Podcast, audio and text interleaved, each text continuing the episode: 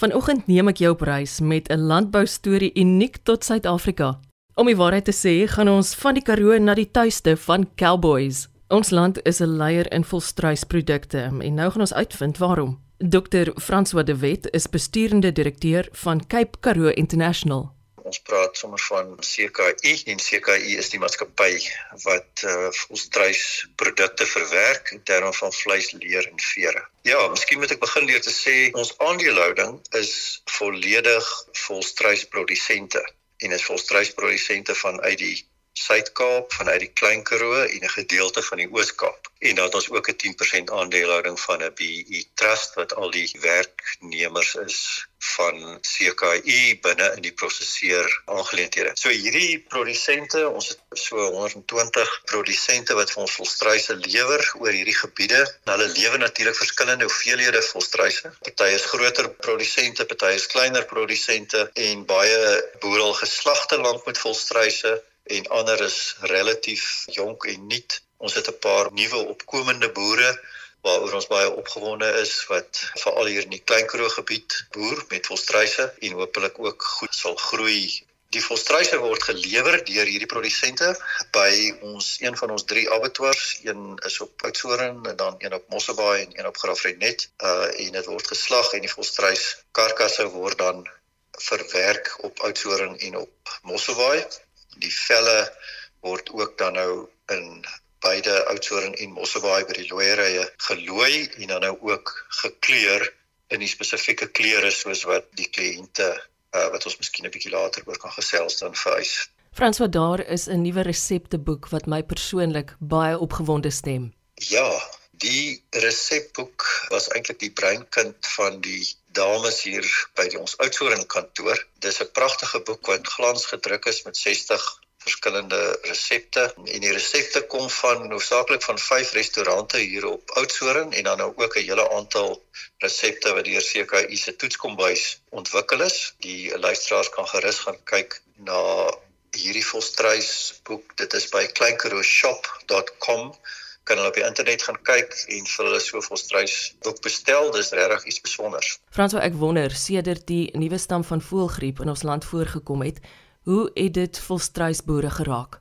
Ons word gelukkig minder geraak as wat die ander pluimvee of dan nou spesifiek hoenderprodusente geraak word. Op hierdie stadium tereg, soos wat jy sê, is daar 'n redelike noem dit 'n uitbraak in die land met hierdie hoogpatogene avian influenza, hoofsaaklik in die noordelike gedeelte van Suid-Afrika en sentrale gedeelte dis besig om ook 'n bietjie af te beweeg in die suidelike rigting. Aan die volstruiskant is volstruise redelik gehard om die impak van avian influenza van die virus te hanteer. So wat gebeur is dat wille voëls sal byvoorbeeld die virus inbring op 'n volstruisplaas. Geen volstruise mag van een plaas na 'n ander of van die spesifieke plaas na abattoir verskuif word sonder dat die volstruise getoets word nie en die departement landbou in samewerking met die volstruisbesigheidskamer maak 'n permit uit 'n vervoerpermit om te sê hierdie voëls is gesond hulle kan na 'n abattoir of na 'n ander plaas beweeg. Sou daar egter dan nou 'n positiewe geval wees op 'n plaas?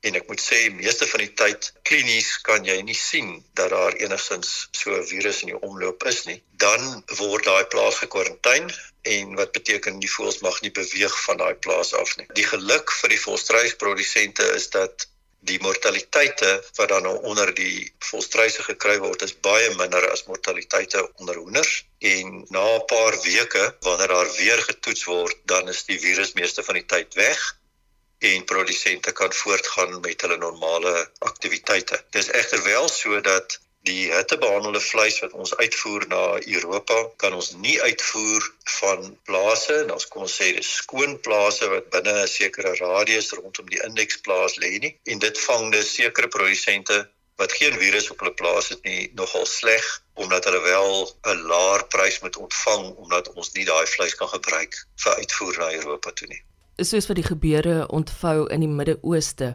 Hoe gaan dit volstruisboere in ons land raak en ook die sektor in die geheel? Ek dink indirek gaan dit ons volstruisboere raak in die sin dat indien dit so gaan wees dat ruolie en dan spesifiek dieselpryse skerp styg, dan gaan die produksiekoste van ons produsente uiteraard styg wat beteken hulle winsgewendheid uh, gaan afneem. In terme van die markgedeelte van volstruisvleis, volstruisleer, volstruisvere dink ons nie regtig daar gaan 'n groot invloed wees nie. Natuurlik hoop almal van ons dat hierdie oorlog wat tans dan nou in Israel en die Gaza-strook bestaan en dieselfde met die Rusland in die Oekraïense inval dat dit nie verder uitbrei en daar van die groot moonthede betrokke raak en dat dit eintlik 'n streeksoorlog raak wat het sy die hele Midde-Ooste betrokke raak en dan van die groot moonthede ook nou nog betrokke raak soos Amerika en soos uh, Rusland of China nie want dan gaan dit 'n wêreldprobleem wees en nie net volstruisprodukte nie maar eintlik baie landboukommoditeite gaan dan eintlik sleg geraak word. In watter ander lande word daar ook geboer met volstruise? Eh, Eloise, dis 'n interessante vraag want uh, as ons nou vat, ek is nou 27 jaar in die bedryf en oor hierdie tydperk was daar baie lande wat begin het met volstruise en eintlik probeer het om 'n bedryf te vestig. En die bedryf moet bestaan uit volstruisprodusente wat winsgewend kan boer. Dit moet bestaan uit 'n prosesseerder wat 'n abattoir en 'n looiery het en dan nou die vere afdelings ook. En hulle moet kan winsgewend bestaan en dan moet daar natuurlik 'n mark gevind word in die wêreld waar ook al vir hierdie produkte. So lande soos Namibië, Zimbabwe, soos Australië, soos Israel byvoorbeeld, soos Pole, soos Brasilië het oor die jare 'n redelike getal volstruise opgebou en dan binne 'n kwessie van 5 jaar het die hele ding weer platgeval in daai lande. So hierdie lande wat ek nou genoem het is eintlik almal uit besigheid uit. En as jy vra waar vandag is daar nog volstruise, dan is dit interessant maar in 'n land soos Iran is daar nogal 'n redelike volstruisbedryf. Hulle gebruik al die vleis plaaslik en van die velle word uitgevoer veral na sekere lande wat wel, hulle voer dit eers na Turkye uit en Turkye voer dit dan nou uit byvoorbeeld na die weste. Want die weste mag nie direk koop van Iran af nie. So die velle is lae kwaliteit, baie laer kwaliteit as Suid-Afrikaanse volstruisvelle of volstruisleer. So hulle is nie vir ons 'n bedreiging nie. Dan is Vietnam is aan die gang. Uh, hulle lewer hoofsaaklik daar in die ooste rond en dan 'n klein bietjie voels wat nog bestaan in Spanje en in Pole. Maar eintlik is Suid-Afrika loshande die wêreldleier wat volstruisprodukte betref en uh, ek dink jy weet dit is 'n bate wat Suid-Afrika het wat ons moet beskerm so goed as wat ons kan en daarmee het ons ook die hulp van die departement landbou deurgangs nodig om ons ook te help om te voldoen aan die vereistes wat die wêreld ook jy weet van ons verwag waaraan ons moet voldoen waar onder andere dieregesondheid. En deesdae speel soos hulle sê in Engels animal welfare 'n uh, 'n ander groter rol ook by kliënte uh, oorsee. Ek dink aan die departement landbou Wes-Kaap se navorsingsplaas daar by Oudtshoorn. Dit is letterlik die enigste een van sy soort in die wêreld. Ons kan baie trots wees. Korrek. Dit is die enigste van sy soort in die wêreld en ons het 'n besondere goeie samewerking met uh, ons Wes-Kaapse departement landbou in terme van die spesifieke proefplaas. Die departement doen besondere moeite ook om goeie werk, goeie navorsingswerk ook te verrig op hierdie proefplaas en die Volstruis Besigheidskamer wat ook gesetel is hier op Oudtshoorn tesame dan ook met ons uh, eh, CKI wat dan die grootste verwerker is van volstruise in Suid-Afrika het baie noue kontak met die departement landbou oor waar die brandende issues is kan ek sê waaraan uh, die proefplaas ook met aandag gee. Dit is my persoonlik ook interessant die navorsing wat gedoen word om die gehalte van volstruisleer te verbeter. Ja, en die gehalte van die volstruisleer begin natuurlik eerstens by die roumateriaal wat van die plaas afkom.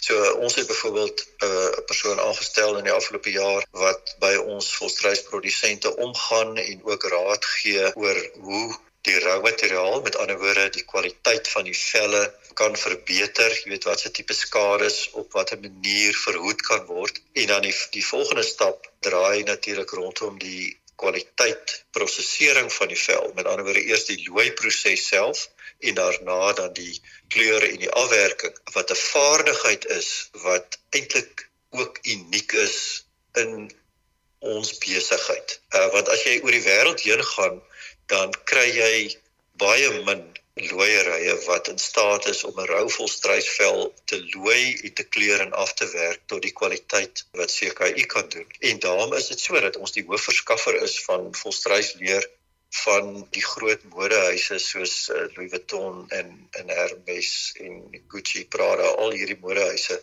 koop hulle volstruisleer by CKI. Dit word aangewend vir volstruisleer handsakke hoofsaaklik in Europa en die hoogste kwaliteit leer voer ons uit na Europa toe. Ons verdien goeie pryse daarvoor vir hoofsaaklik volstruisleer handsakke en dan gaan 'n groot volume gedeelte van ons leer gaan na Amerika en na Mexiko toe vir die vervaardiging van stewels. So ons praat ons nou van cowboy boots. Op hierdie stadium is daar nogal in Amerika 'n besondere sterk lopie waar die sogenaamde western wear baie in die mode is. Nie net stewels nie, maar ook belde en wat ook al. So ons doen ook baie goed op hierdie stadium met die uitvoer van volstruisleer waar hulle hierdie cowboy boots dan vervaardig. Daar word ook baie in Mexiko vervaardig en dan uitgevoer na die VSA. Dit is regtig uh, iets wat nogal besonder is as jy in Texas omgewing beweeg en jy sien uh, hoe baie ouens dra volstruisleer uh, boots. Dit is uh, dis 'n riem onder die hart om dit te sien. Ek weet jy het ook onlangs gaan besoek af lê in Europese lande. Wat is die nuus wat jy vir ons kan vertel van hierdie onlangse reis van jou? Ja, ons het 'n leerskou in uh, Milaan gaan bywoon waar ons ook uitgestal het. Wat baie interessant is is dat die vraag na eksotiese leerartikels en dan uh, daarmee sê ek nou eksotiese leer sluit nou in natuurlik volstruis, maar dan nou ook krokodil, dit sluit self slang in uh stingray, allerlei snaakse tipe leer. Krokodil die grootste van die eksotiese leer natuurlik. Cayman wat 'n kleiner krokodil is. En uh die vraag na eksotiese leer in Europa is besonder sterk die afgelope jaar en ons sien dit in die volgende jaar ook nog so gaan voortgaan. Die modehuise is minder blootgestel aan die hoë inflasie wat daar tans in Europa is. Ryk ouens bly ryk en dit is hoofsaaklik ryk mense wat eksotiese leer produkte koop. So ons is opgewonde oor die jaar wat voorlê. Ons betaal ook tans besonder goeie pryse aan ons troumateriaalprodusente. Dit het gereën in die laaste 6 maande in die Kleikerhof vir die eerste keer in baie jaar, 10 jaar of wat. Is die Kamanassie dam is nou vol, so daar's besproeiingswater beskikbaar. Die Suid-Kaap het goeie reën gehad. So ons is opgewonde oor die oor die jaar wat voorlê, ook dan nou vir die volstruisbedryf. Produsente behoort koste-effektief te kan produseer en uh, die markvraag nie net na volstruisleer nie, maar ook baie spesifiek volstruisvere is besonder sterk. En dit sien 'n mens dan nou by 'n plek soos die Rio Karnaval. Ja, die volstruisvere word in twee hoofgroepe verdeel. Die vlerkvere of die wit pluime wat uh, ons luisteraars sal ken en dan nou ook lyfvere. Die lyfvere, ook die die langer vere word gebruik hoofsaaklik vir vere stoffers. Ons produseer tussen 'n uh, miljoen en 1.5 miljoen vere stoffers per jaar hier by ons fabriek op Oudtshoorn en dit gaan hoofsaaklik na Amerika toe terwyl die wit vere word het sy as die wit pluime of as gekleurde boas of wat ook al word dit dan uitgevoer na die ooste toe maar ook spesifiek na Europa en dan nou die karnavalle wat wel die duurder vere kan bekostig koop ook uh, heelwat van die vere. Lekker om te weet dat as jy kyk byvoorbeeld na die kroning van die koning in Engeland, dan het die koningin het wit vere gedra en daai volstruisvere kom van ons af dis wonderlik. En as jy vandag gaan kyk in die winkels in uh, in Londen, dan is daar baie volstruisvere wat jy sien. Nou snaaks genoeg, maar 10 jaar terug was dit nie noodwendig die geval nie. En as jy kyk na van hierdie uh, Amerikaanse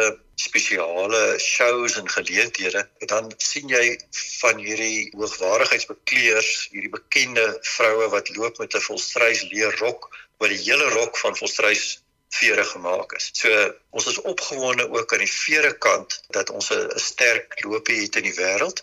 Dr. François de Wet is besturende direkteur van Cape Karoo International. Baie dankie dat ek die goeie nuus landbou storie met jou kon deel. Luister gerus weer daarna na 'n besoek aan die webtuiste van RSG.